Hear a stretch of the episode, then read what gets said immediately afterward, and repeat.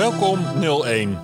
Daar zijn we weer met de leukste podcast die jou inzichten geeft rondom de digitale transformatie waar we eigenlijk met z'n allen in zitten. Uh, we doen dat samen vanuit de KNVI. Um, en daarvoor zit ik in uh, deze rol als host. Ik ben Tom Dalderup. Ik ben zelfstandig ondernemer. En ik help onderwijs, overheid en omroepen in uh, veranderingsprocessen. En, en aan de andere kant van de lijn zit Rian. Hey, hallo Rian. Hallo Tom. Hoi. Rian, jij bent hoofdredacteur van het blad AG Connect. En blij dat we dit weer samen mogen doen. Mooie samenwerking zo.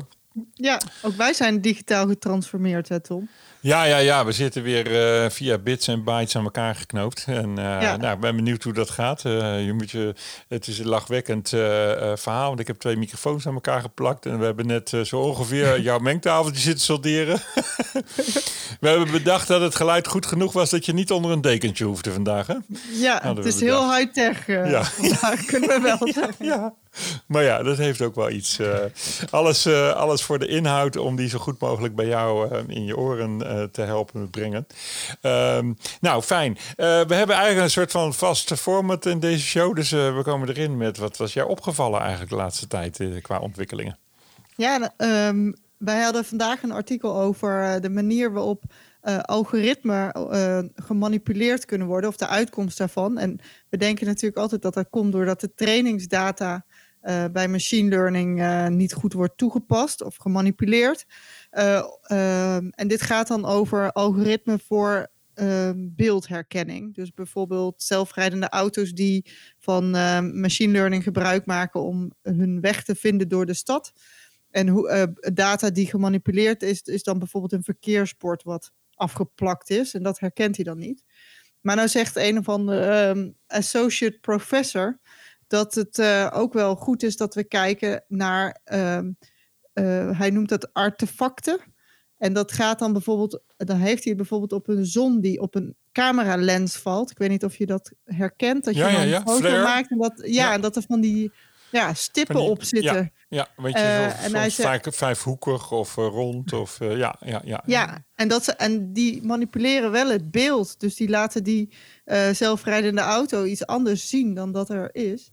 En hij zegt daar zouden er eigenlijk wat meer over na moeten denken en ook meer inzichten moeten krijgen wat dat is. Mm het voorkomen ervan is eigenlijk nog een beetje onduidelijk hoe je dat kan doen, maar het is wel belangrijk dat er meer bekendheid uh, komt. Ja. Dus dat is weer een, een volgend inzicht, denk ik, in de wereld van de machine learning. Er is weer een kleine uitdaging bijgekomen.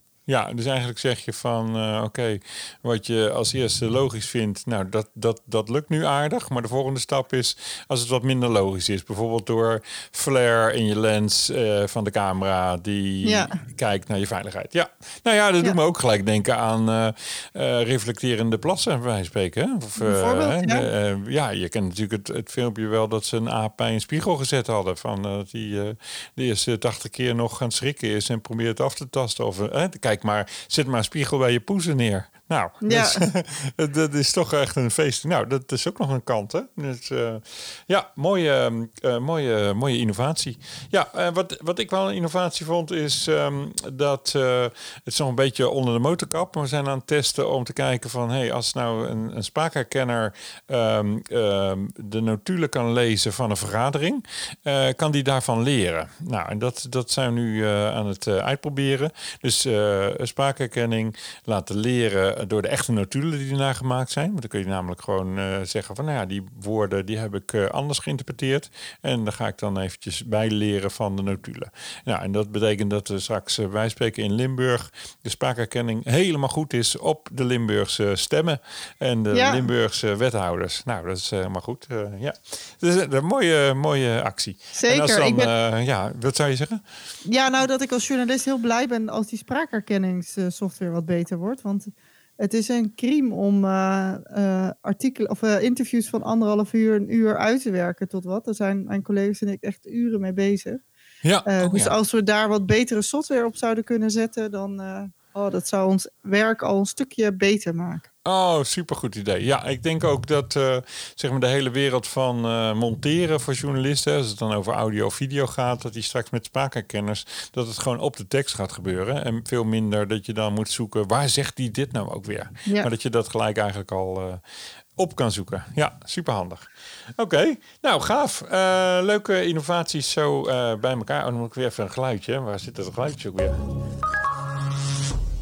Ja, ik heb hem gevonden hoor. Um, dan het spannendste stuk. Want we zitten hier natuurlijk toch een beetje behind the scenes. Hè? Dus je hebt weer zo'n blad gemaakt. En dan uh, kijken wij eens even van... ja, wat, wat ging er eigenlijk... Uh, wat was toch eigenlijk lastig?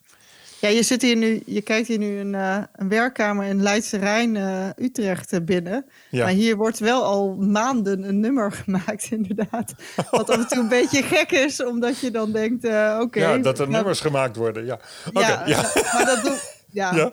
Uh, uh, inderdaad. Gewoon magazines doen we hier gewoon op de werkkamer. Oh ja, ja, ja. ja thuiswerken bedoel je? Ja, ja, thuiswerken, ja, dat doen we gewoon hier. Maar een van de dingen die wij elke, als redactie elke dag doen, is dat we bij elkaar komen tijdens, nou, tijdens de lunch, eigenlijk, net voor de lunch. En dan bespreken we welke artikelen we hebben gepubliceerd de afgelopen etmaal. En dan kijken we of we daar nog een verdiepende slag in zouden kunnen aanbrengen. En um, een van de dingen die ons opviel is, en daar hoef je op zich niet heel erg lang over na te denken, of, was dat er veel problemen zijn met al die updates die Microsoft aan het doorvoeren is voor Windows 10. Uh, eh, vooral uh, waar we heel veel over geschreven hebben, was in 2018 die oktober-update die uitgesteld werd. Mm -hmm. En toen ging het niet goed. Nou, in 2019 herhaalde hetgeen zich in de lente weer. Uh, en later was die herfstupdate in 2019 ook weer. Was ook, nou, er zijn elke keer issues. Um, en we hebben een collega, Jasper Bakker, die Microsoft uh, al heel lang kent.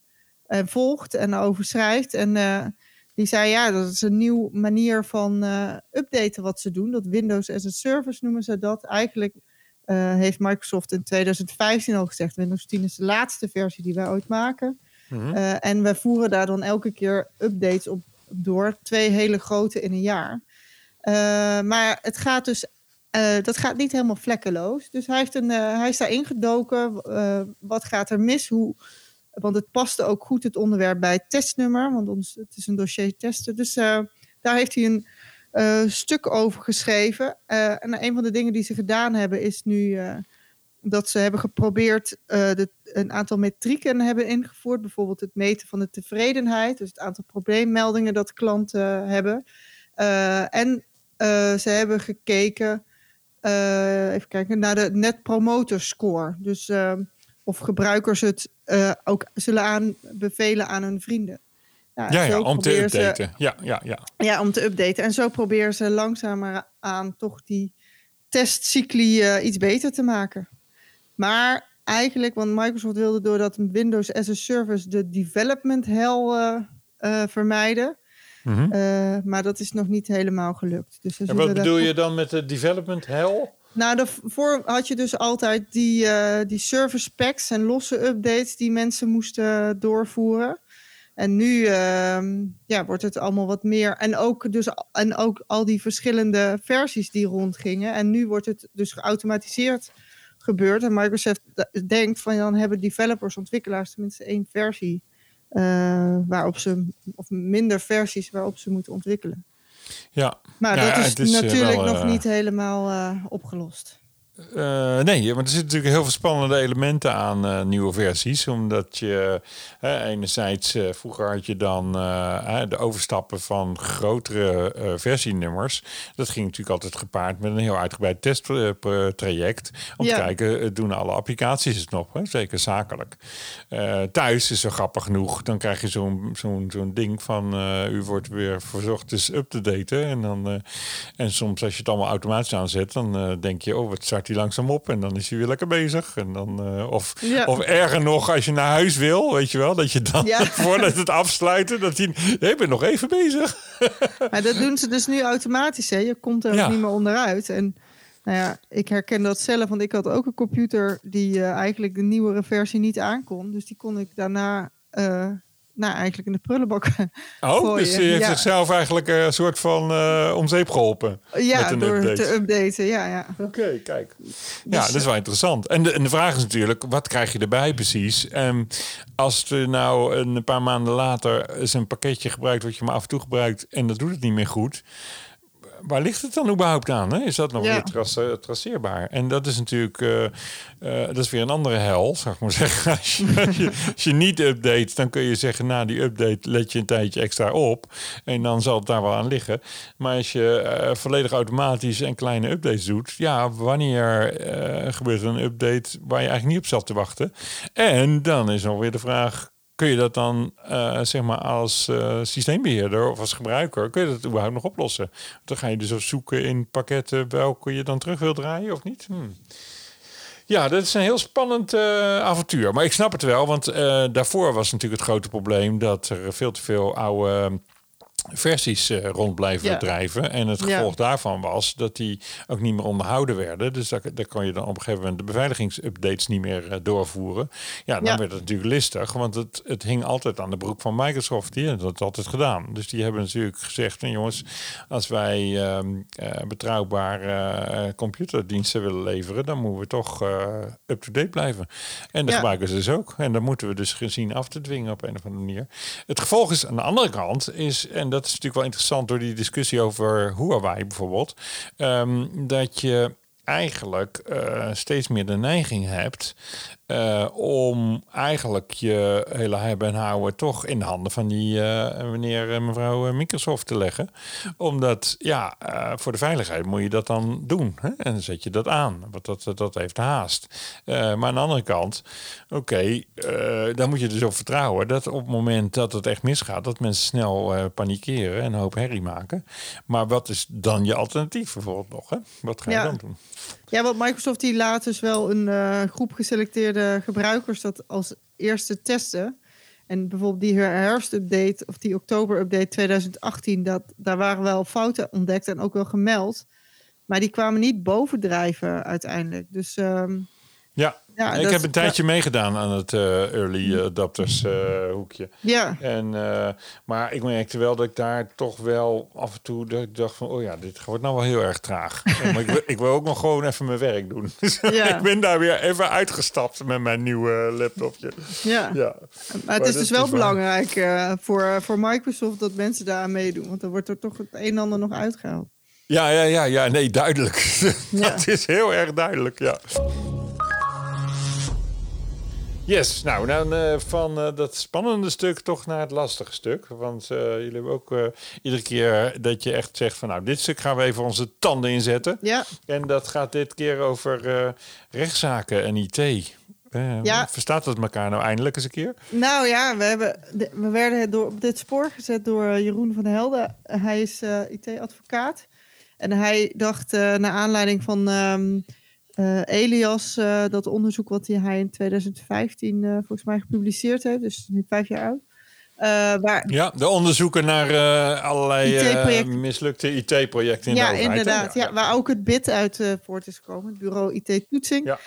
Ehm, en hij deed toen in dat ehm, eh, rapport ook de aanbeveling dat de overheid echt eigenlijk vaak naar de rechter zou moeten stappen. En naar een IT-project wat niet gelukt was. Eh, dus hij, die eh, Jeroen van Helden die dacht, nou laat ik eens kijken of dat ook gebeurd is. Hij heeft dat eh, gekeken op rechtspraak.nl. Het is een beetje, het is een klein onderzoek, maar het zegt wel, het geeft wel een indicatie. En hij kwam twee eh, rechtszaken tegen die gemeenten hebben gevoerd tegen IT-leveranciers. Ehm, En ik heb zelf daarna nog BZK gevraagd en die konden mij niet vertellen of er echt rechtszaken waren geweest. Hebben ze geen, dat wordt niet centraal bijgehouden. Ehm, maar de mensen die ik sprak, die dachten dat het er niet heel veel zouden zijn.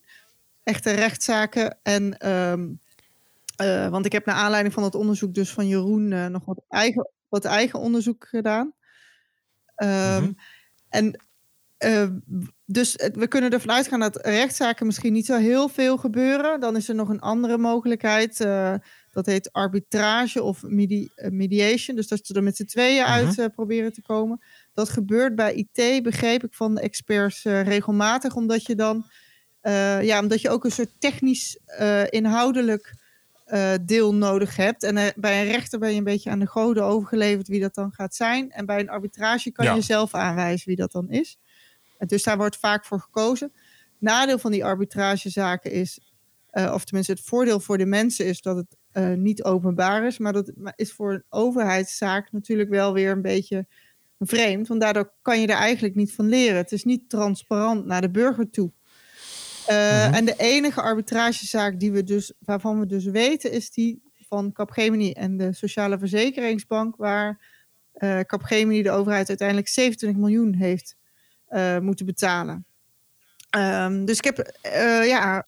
Oké, omdat de overheid dat te veel betaald had eigenlijk. Nou, omdat ik weet niet, ik kan me nu niet helemaal herinneren wat de precieze redenen waren, maar het is een project dat aardig in de soep uh, gelopen is. Het is ook aardig in het nieuws geweest en uh, de overheid vond, of de, in die arbitragezaak, ja, vond, was nodig dat Capgemini dat geld terug betaalde. Het is gewoon niet opgeleverd wat, wat beloofd ja. Uh, ik heb verschillende experts uh, gesproken, die trouwens ook door Elias gesproken zijn, begreep ik uh, later. -hmm. Ik heb Elias zelf ook nog even contact mee gehad.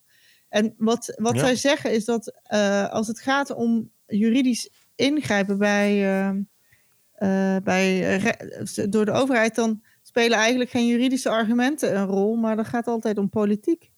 Dus bijvoorbeeld een gemeenteraad, ja. dan bepaalt de kleur van de wethouder en wat in de raad zit, of iemand wordt aangepakt of niet. En of het dus daarna ook naar de rechter wordt gestapt. Bij zijn rechtszaak komt natuurlijk best wel het een en ander boven. Ja. Uh, ja, en dan heb je lange aanbestedingen, dus alles moet weer opnieuw als, het, uh, als je dan naar de rechter stapt. En ik, ja, jij hebt meer, veel meer ervaring met IT-projecten dan ik, want ik kijk altijd van de zijlijn terug. Maar ja, het is samenwerking, uh, vertelden ze me. En uh, zeker bij de overheid, als het om zo'n grote projecten gaat. Dus het is helemaal niet duidelijk ja. wie welke rol heeft gespeeld. Nou ja, dat is, dat is ook zo. Hè. Nu uh, opdracht, um, een opdracht die ik nu doe, is ook voor de overheid. En um, een van de aspecten die langskwam, was ook zo'n aanbesteding die even in de soep gelopen was eigenlijk. Omdat, uh, uh, ja, weet je, je zit bij aanbesteding en dan heb je eigenlijk een periode dat je dan die vraag gaat stellen naar de markt. En die wil zo nauwkeurig mogelijk stellen om, om risico's eigenlijk te verlagen. Um, terwijl je aan de andere kant wil je ruimte bieden voor uh, innovatieve ideeën. Nou, daar, daar zit eigenlijk al een soort van botsing by design.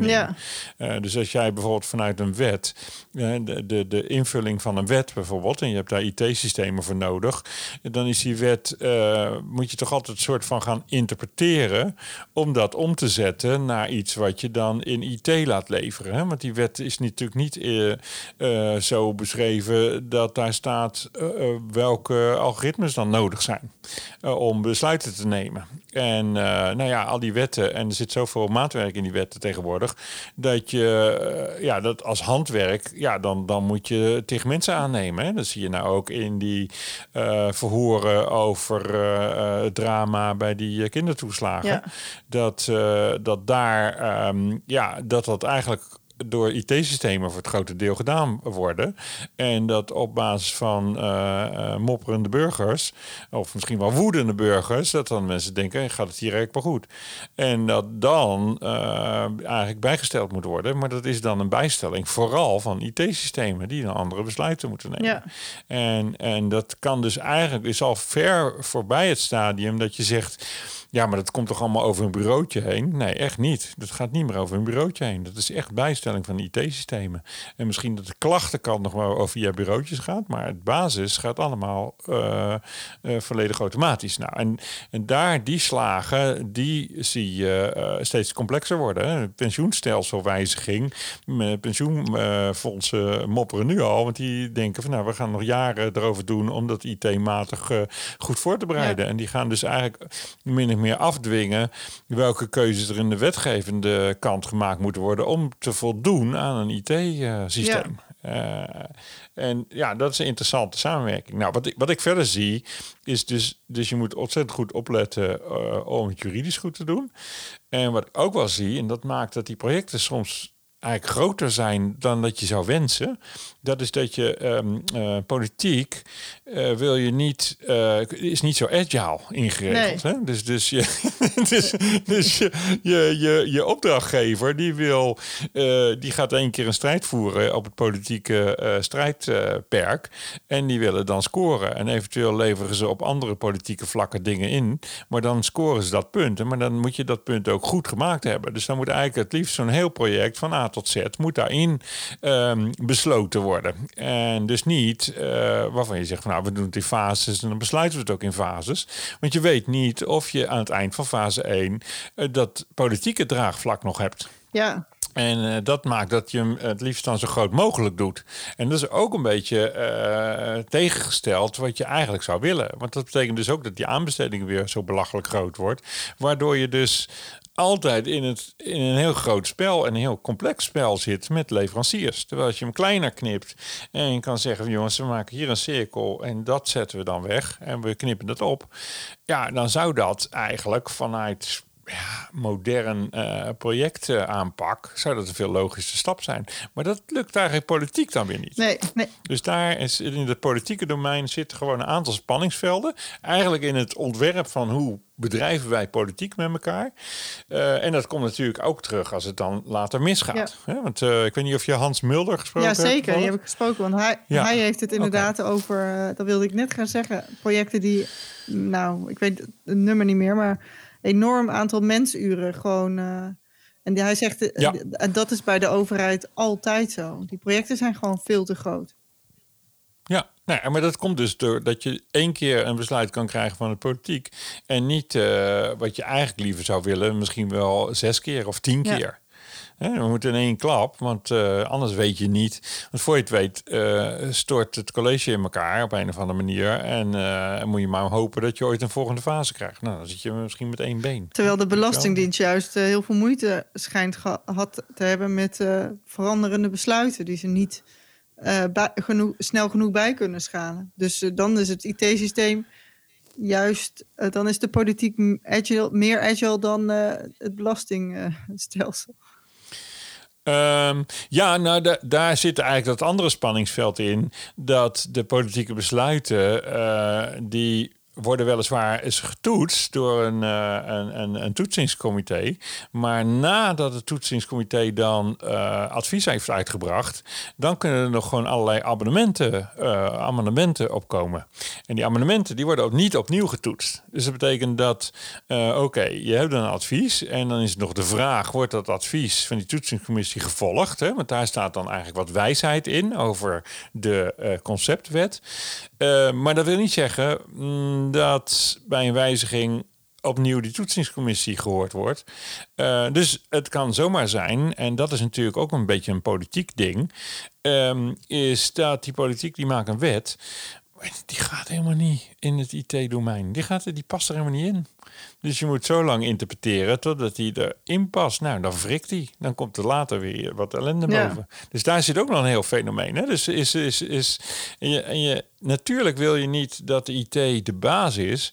Maar de, de, de IT, als dat een van de grootste uitvoeringscomponenten uh, uh, aan het worden is, ja, kun je die ook niet blijven ontkennen. Nee. En dat is wat je wel ziet. Ja.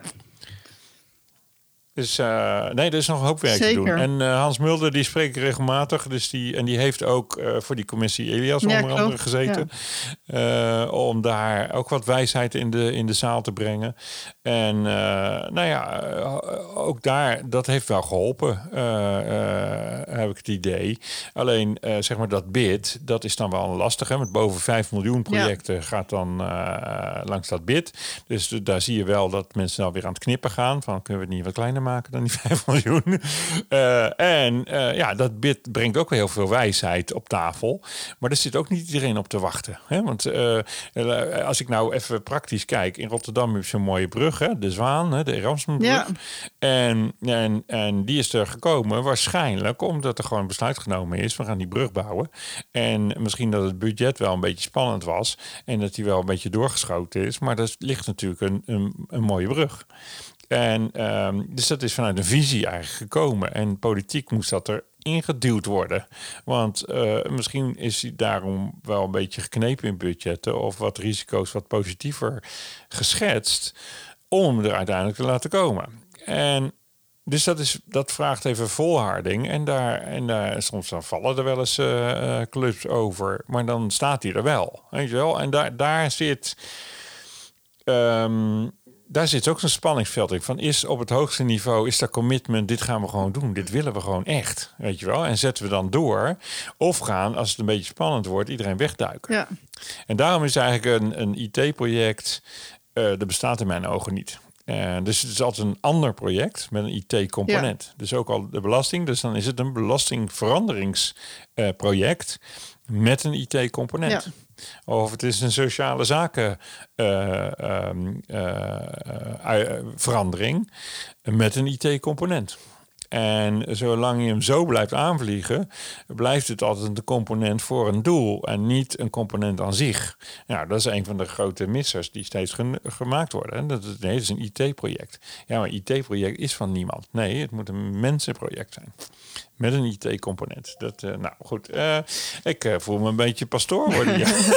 ja, bij de overheid is nog wel wat te doen als het gaat om IT-projecten. Nee, maar daarom is het leuk. En daarom is het ook wel leuk om te zien van... Hey, het kan wel goed, maar knoop op de goede manier in de organisatie. En ik heb wel meegeholpen dat de juiste opdrachtgevers er nu zijn... en dat het ook gelijk een samenwerkingsproject is geworden. Dus het project waar wij nu mee bezig zijn... is bijvoorbeeld de, de digitale versie van een archief. Een normaal archief zit dan in kasten en luikjes... En dat uh, elektronisch is dat eigenlijk gewoon, nou ja, een, uh, een, een, een, hele mooie uh, van governance voorziene systeem waar je niet zomaar simpel iets weg kan gooien. Dus wat duurzaam bewaard kan worden en gepreserveerd met heel veel metadata en dat soort dingen. Heel veel borging dat wat er staat ook echt is wat het is. Um, en dat systeem kan dus veel breder gebruikt worden dan alleen maar door de archivaris. Dus zo'n archivaris heeft zo'n mooie kast uh, boven ergens met uh, airco. En, en dan misschien een hele grote kasten. Heel veel papier erin. En maar de digitale variant, je kan natuurlijk wel iedereen laten lezen uit die variant. Ja. Hè? Dus het erin steken, daar moet je natuurlijk een beetje voorzichtig mee zijn. Want dan moet je even goed toetsen, is dit echt wat het moet zijn? En is het serieus spul? Of wordt er maar wat ingesodemieterd? Dus je doet wel heel goed bewaken aan de ingang uh, wat erin komt en dat het goed gemethadateerd is. Maar daarna kun je het door iedereen laten lezen eigenlijk. Dus de toegankelijkheid voor de hele organisatie van, uh, van zo'n gemeente, die, die gaat met sprongen vooruit. Ja. Dus, dus, en daarom moet het dus altijd een samenwerkingsproject zijn en niet uh, een archiefproject of nog erger een IT-project. Ja. Eigenlijk is een archiefproject is ook al fout. En een IT-project is nog fout. maar eigenlijk, maar het heeft wel natuurlijk een enorm IT-component. Ja, dat, uh, dat is het. Maar het gaat om die samenwerking. Ja. ja. En dat is wel leuk, want we hadden laatst ook, uh, daar een beetje simpel de pimpel, maar we hadden een verhuizing van een aantal afdelingsmapjes. Gewoon uh, mapjes op de harde schijf, zeg maar. Hè? En dus toen heb ik daar een experimentje mee gedaan, door dat ook een samenwerkingsproject te laten zijn, dan in plaats van een IT-verhuisde mapjesproject. En dat werd heel erg leuk, want dat is eigenlijk de aanjager geweest om een paar verschillende teams veel meer samen te laten werken. Omdat ze eigenlijk al de discussie aangaan over hoe heet dit. Oh ja. En want dan kom je namelijk gewoon over van, uh, het gaat eigenlijk niet om de mapje dan, maar dat is de aanleiding om het gesprek te voeren van, hey, hoe organiseren we eigenlijk ons werk? En hoe kunnen we het zo organiseren dat wij elkaar verstaan?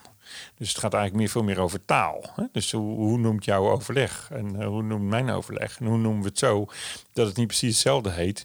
Want in de mapjes lukt dat niet twee keer hetzelfde mapje. Dus we moeten het overleg misschien van de een of de ander iets anders noemen. En, en dan weet je iedereen over welk overleg het ja. gaat.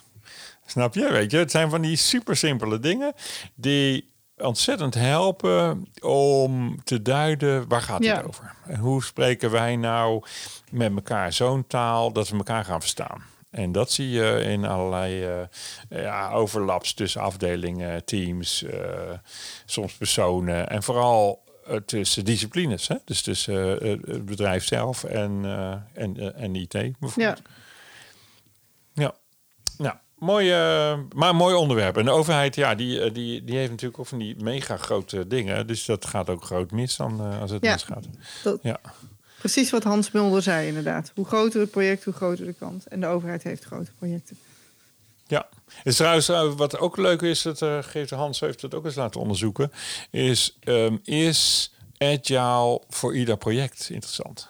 En daar kwam eigenlijk uit dat vanaf een bepaalde grootte, als het echt uh, huge is, dus dan heb je het over 10 miljoen, mm -hmm. dat het dan um, eigenlijk in agile niet meer uh, niet meer interessant is. Dat het eigenlijk dan uh, de watervalmethodiek dan eigenlijk succesvoller blijkt te zijn. Uit onderzoeken die, die Hans opgerakeld had. Dus dat is wel een mooie, ja, interessant. mooie ja. gedachte voor als je nou echt in het grote spel zit.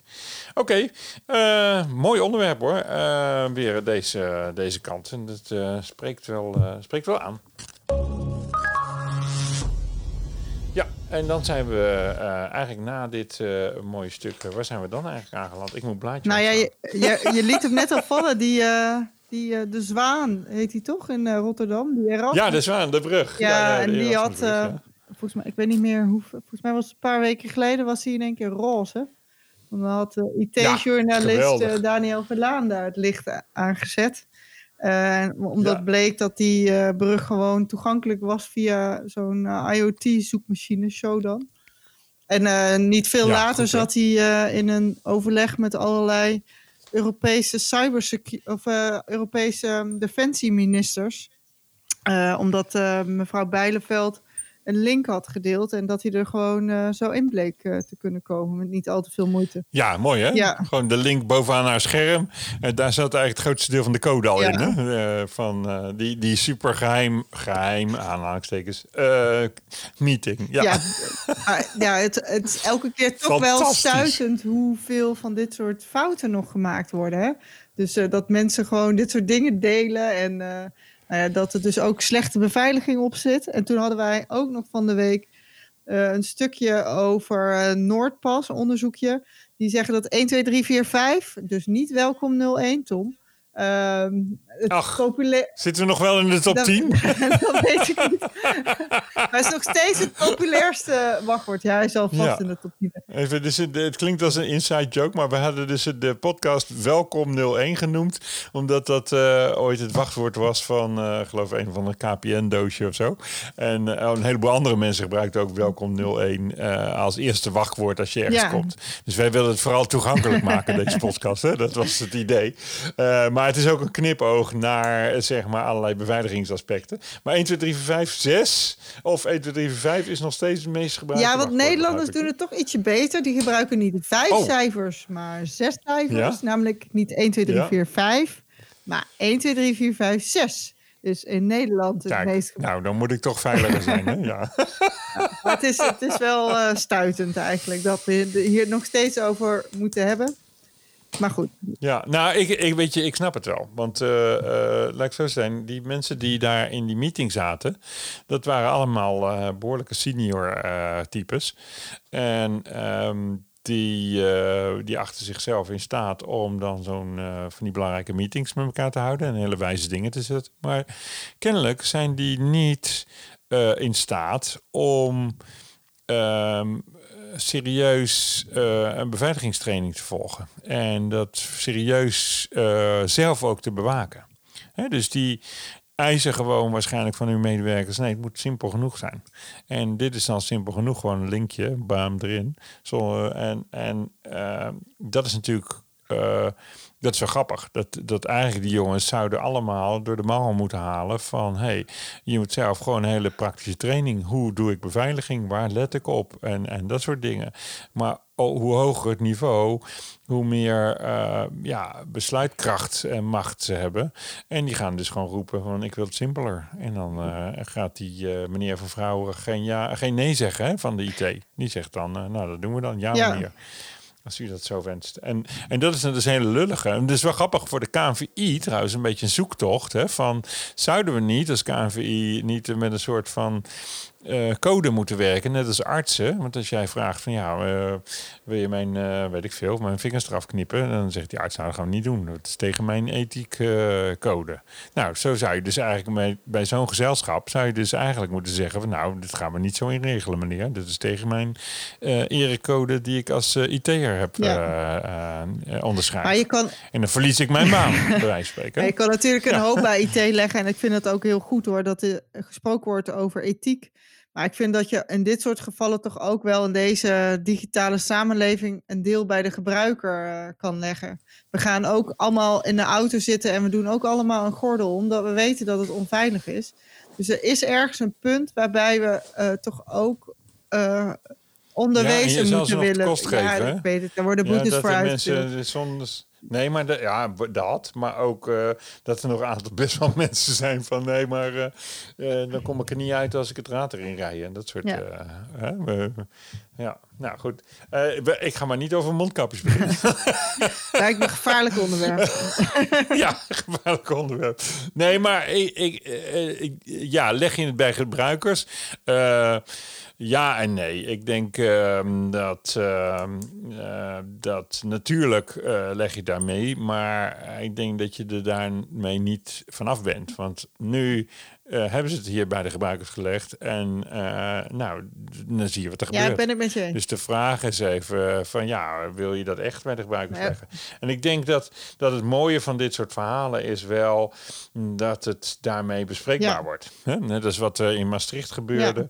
Ik werd er heel erg blij van in die zin dat het daardoor veel makkelijker bespreekbaar is. Want daarvoor waren eigenlijk te weinig opvallende verhalen en, uh, en, en dramatische verhalen van eh, die dichtbij genoeg waren om eh, bestuurders of directeuren te doen beseffen: uh, luister eens, dit is uw voorland. Als u hier niets aan doet, u heeft de keuze.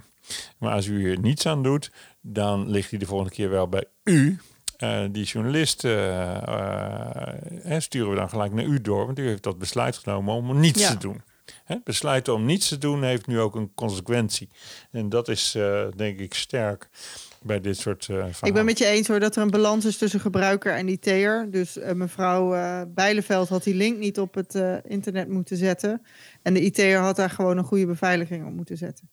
Maar ik denk dat we met z'n allen ja. een rol spelen in die beveiliging. Nu we in de categorie gein zitten, wanneer ben jij wel eens voor gaas gegaan met ergens verkeerd iets doen? Ja, ja ik, ik, ik probeer daar heel erg op te letten, maar het zal toch nog wel eens, het komt zeker voor. Maar wat, wat, wat heb je wel eens gedaan? Je, be je bedoelt... Uh... Ben je wel eens ergens uh, vergaas gegaan dat je ergens verkeerd op geklikt hebt? Of nou, bij, je, bij ons op het werk wordt dus... Uh, wij, wij, krijgen, wij zitten in zo'n bewustzijnstraining.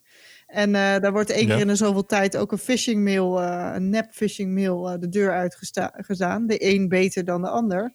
En um, mm -hmm. Eentje waar ik veel van geleerd heb, is namelijk dat ik een mailtje kreeg van Microsoft dat ik mijn mailbox moest opschonen. En toen dacht ik, hè, wat is dit een gek mailtje? Dus ik klikte en toen bleek dat het zo'n nep phishing mailtje was. Uh, en het, ik deed dat tijdens het ontbijt uh, klaarmaken. Kreeg dat mailtje binnen en ik keek het op mijn telefoon. Ik was met andere dingen bezig. Ik heb dus geleerd dat als ik denk, hè, dit is een gek mailtje, dat ik dat even rustig moet bekijken voordat ik op een linkje klikt. Ja, oh, okay. uh, maar je had dus op de link geklikt en dat bleek dus een, een bedrijfje wat jullie ingehuurd hebben of je eigen IT'er die nou af en toe. Ja, ja, we krijgen ze geregeld. Ja, ik denk. Uh, oh, geweldig. Maar heb je dan een bedrijfje ingehuurd? Ja, we hebben daar iemand een, voor ingehuurd. Van je eigen ja, IT? Ja, ja. Oké. Okay. Ja. Ah, geweldig. Ja. Geweldig, goede actie. Ja, ja, ja. Oké, okay, dus daar klikt je op. Maar dat was eigenlijk verder onschuldig. was een test. Zeker, het was, was, een, goede test. test. En die heeft me veel geleerd. Okay. ik heb uh, ooit een keer toen had ik een vervanging aangevraagd van mijn, uh, van mijn visakaart. En uh, toen kwam er precies zo'n mailtje over visakaart. Eigenlijk gaan ze allemaal over visakaart. maar ik zat op dat moment zat ik te wachten op die kaart. Dus, ik, dus, ik, ik, dus dat mailtje viel me daardoor op. En, uh, maar dat bleek ook echt een, een foute link te zijn. Ik weet niet meer. Ik geloof dat ik een paar dus ik heb erop geklikt en uh, kennelijk iets onhandigs gedaan. Toen kreeg ik een paar sneakers thuisgestuurd van Alibaba of zoiets. Oh. maar en, en ik heb later eens zitten uitvlooien. Wat is dat nou allemaal? En dat schijnt dan een soort test te zijn. Van als dat dan lukt, dan uh, gaan ze daarna doorpakken. Oh, Maar ik heb gelijk natuurlijk uh, de creditcardfirma gebeld. Ik zeg, nou, die, die ik nu krijg, moet je misschien daar gelijk doorknippen of zo. Toch weer een andere. Want dit is niet, ik heb iets doms gedaan. Dus, dus ik denk dat ik erger voorkomen. Maar het, er, er gebeurde wel iets geks, inderdaad. En, uh, maar dat was ook weer een wijze les, moet ik eerlijk zeggen. Ja, je leert er meteen heel veel van. Ja, oké. Nou, gauw door naar mensen. Ja, de mensen. Uh, mensen in het nieuws. Mensen in het nieuws. Brenno de Winter, hè, natuurlijk. Dat is onze held natuurlijk. Hè, want die is natuurlijk, uh, was eerst IT'er, toen werd hij journalist. En uh, nou is hij aan het meewerken in die corona-toestand. en is eigenlijk een beetje het geweten, geloof ik, hè, van de ja, club. Klopt. Ja, ik denk dat ze hem ook wel hard nodig hadden. Want dat hele traject verliep niet vanaf het begin af aan vlekkeloos. nee, nee, we hadden die, die tech-sessies of zoiets, hè? Die, die hackathon, ja. Maar ze hebben hem nu uh, ook toegelaten. Ja, en, en Brenno, uh, ik, ik, heb hem, uh, ja, ik heb hem ook wel eens ontmoet. En binnen de IT-wereld staat hij gewoon bekend als een, een kritisch iemand. Die echt ja, goed, goed meekijkt. en wij vonden het dus ook tijd om hem een keer te interviewen. zeker nu hij zo'n rol heeft bij die corona-app. Uh, en dat was een uh, leuk gesprek. Collega Eveline heeft uh, met hem gesproken. En ehm, ja, het is toch leuk om dan wat inzicht te krijgen in waar, wat iemand drijft. En, en hoe, hoe je van IT'er naar journalist weer terug naar IT'er gaat. Want Brenno heeft dus in 2011 is hij journalist van het jaar geworden. Dus hij heeft echt wel goed journalistiek onder, onderzoek gedaan. Was naar de OV-chipkaart. Mhm. waar hij uiteindelijk volgens mij niet voor aangeklaagd is. Maar dat was wel uh, spannend, omdat hij lange tijd met zo'n uh, gekraakte OV-chipkaart heeft gereisd.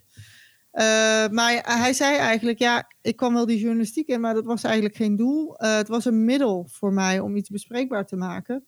en hij, hij, zegt dus eigenlijk wat jij ook zei, de security is nog niet zo heel goed en we moeten dingen bespreekbaar maken. Dus het is goed dat daar aandacht voor is. Dus dingen moeten zichtbaar worden. Um, en uh, ja, dat, dat heeft hij in de journalistiek willen doen. Uh, dus, ja. En hij, hij was dus wel, nou, hij stond op een zwarte lijst bij de overheid. Ze waren niet blij met hem door het, door het um, OV-kaart gebeuren. En later heeft hij ook veel WOP-verzoeken gestuurd. dus ja, hij werd ook niet meteen door iedereen met open armen ontvangen toen hij binnenkwam bij de overheid, vertelt hij uh, voor die corona-melder-app. Uh, maar hij zegt ook ja, dat, het, dat uiteindelijk is dat wel goed gekomen. En dat is nou wat Nederland zo mooi maakt. Je kunt op het scherpst van de snede ruzie hebben met de overheid. hij heeft ook op lijsten gestaan van de politie. En daarna uh, heeft hij dus gewoon. Uh, uh, en hij is dus een paar jaar later bij de politie een aanstelling heeft hij toen gekregen als lid van de bezwaarcommissie WOP. En nu loopt hij bij de overheid weer rond. Ja. Ja, super gaaf. Ja, nee, maar dat, dat is eigenlijk wel mooi van Nederland, vind ik ook. En, en wat, hij, wat hij zelf ook zegt, is of het nou over boten gaat die zinken of vliegtuigen die botsen, die worden echt goed onderzocht. En dat wordt heel erg openbaar gemaakt, zodat uh, ieder ander weet van, nou, zo, ik moet dit verbeteren. Dus zeg maar, de, uh, de volwassenheid van de IT-industrie is eigenlijk nog te, te laag om dat soort dingen te doen. Hè? Dus dat het veel meer moet delen van, dit is precies wat er misgegaan is en... Uh, uh, en zo had je het kunnen voorkomen. En zo gaan wij het ook uh, verbeteren. En dat, dat, dat is dan eigenlijk zo'n Maastricht voorbeeld, hè, waar die uh, universiteit ja. een tijdje plat gelegen heeft. dat is denk ik nog wel een van de mooiste voorbeelden van the way to go eigenlijk. Ja. Hè? Je, je, je, je gunt het niemand, maar als het iemand overkomt, dan gun je de wereld eigenlijk om daarvan te leren. Dus dan, dan kun je dus in plaats van uh, dat je faalt, kun je dan herlabelen naar uh, uh, leren. Dus in plaats, dus je, of je hebt succes, dus geen problemen, of je leert iets in plaats van dat je echt ja, faalt. Eens. Dat is, dat is eigenlijk de, way to go. Oké, okay, nou, even kijken hoor. Ping. Even afsluitende berichten. Eh, wat zijn nog leuke berichten die we nog even willen delen? Ik denk dat wij wel kunnen delen dat we de 30ste, dat was maandag, hebben we een hele dag vol uh, met uh, mooie Ja. sessies. En eh het wordt eigenlijk een beetje lekker eh, tv kijken wordt het. Hè? Dus eh, schakel je laptop even aan je tv. Je kijkt even wat voor kabeltjes erbij nodig zijn. En ga lekker onderuit liggen eh, op de bank. En eh, je kan ook, sommige sessies zijn ook interactief. Sommige zijn gewoon even lekker kijken. Het mooiste wat KVI te bieden heeft, eh, komt maandag op je, op je schermpje voorbij. En eh, ehm, nou, je kunt, eh, je kunt natuurlijk ook even af en toe een wandelingetje maken, is ook goed.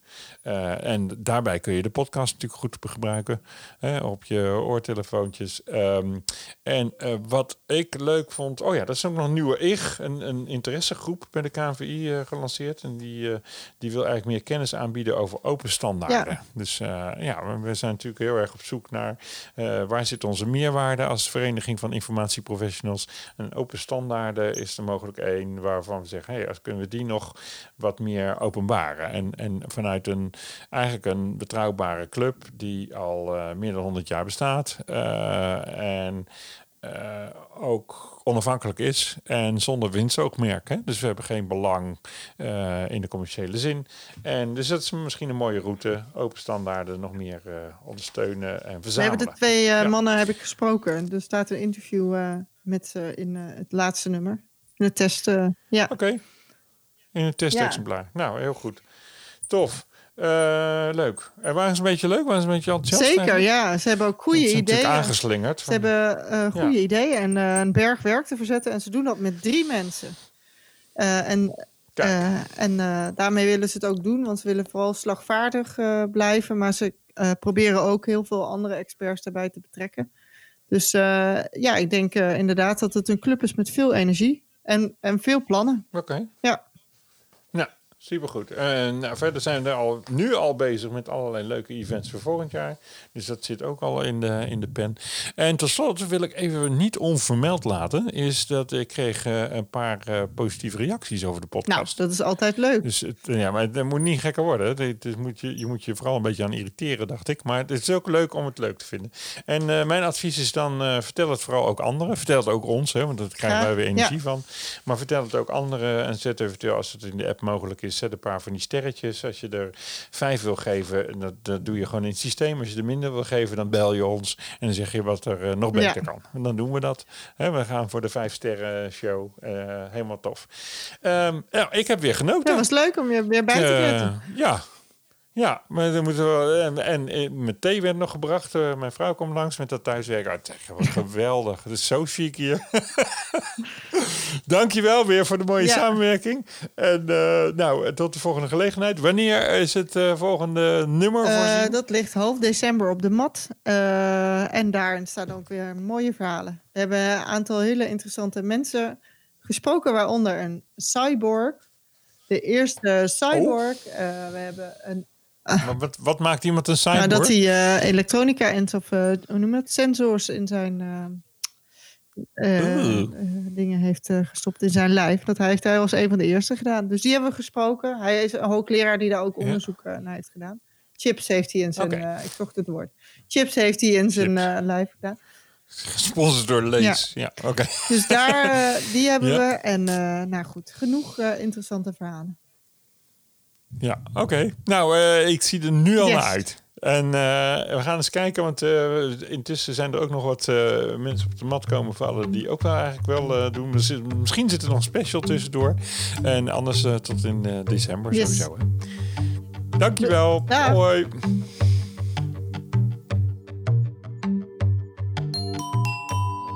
Nou, hallo dames en heren, goedemiddag. U spreekt hier met Sander van de Helpdesk. Deze keer niet aan de telefoon, maar een keer live in de uitzending, whatsoever, op mp3-vorm. Ik heb hier een brief van een mevrouw. Hier heb ik hem, zo. Klein briefje, maar goed, doet er niet toe. Eh, ik heb hier een brief van een mevrouw en die schrijft... Beste Helpdesk, ik heb bij u een... eh, of bij het bedrijf waar u voor werkt... een zelflerende koelkast gekocht... maar hij doet helemaal niet wat ik wil. Wat blijkt nou? Het ding leert helemaal niks. Hij zegt alleen maar, uh, ik kan dat niet, ik begrijp dat niet, en zo weiter, en zo weiter. Blijkt het een Siemens, oftewel een Duitse koelkast te zijn. Dus mevrouw, ik kan u adviseren om dat ding ook in het Duits toe te spreken. Sehr verehrter Koelschrank, goedemorgen. Uh, wollen Sie koelen voor mij? Misschien dat hij dat al wel wat beter begrijpt. Dat is met die zelflerende materialen. En dan mag u nog blij zijn dat het geen Japans merk is, want dan had u helemaal in Hotel de Aap gezeten, zeg maar. Nou, dat is dan dus een beetje met die zelflerende spullen wel het geval. U moet altijd wel even kijken in welke taal dat ze het leren. Anders heb je er niks aan, namelijk. Snapt u wel? Nou, tot zover weer deze helpdesk. Dank u meneer, mevrouw, voor deze brief. Zo, dat hebben we ook weer gehaald. Ik moest hem even tussen de tanden nemen om te scheuren. Dat hoort u wel, hè? Nou, meneer uh, dank u wel voor uh, dit moment weer. En ik hoor u en spreek u graag snel. Dag hoor.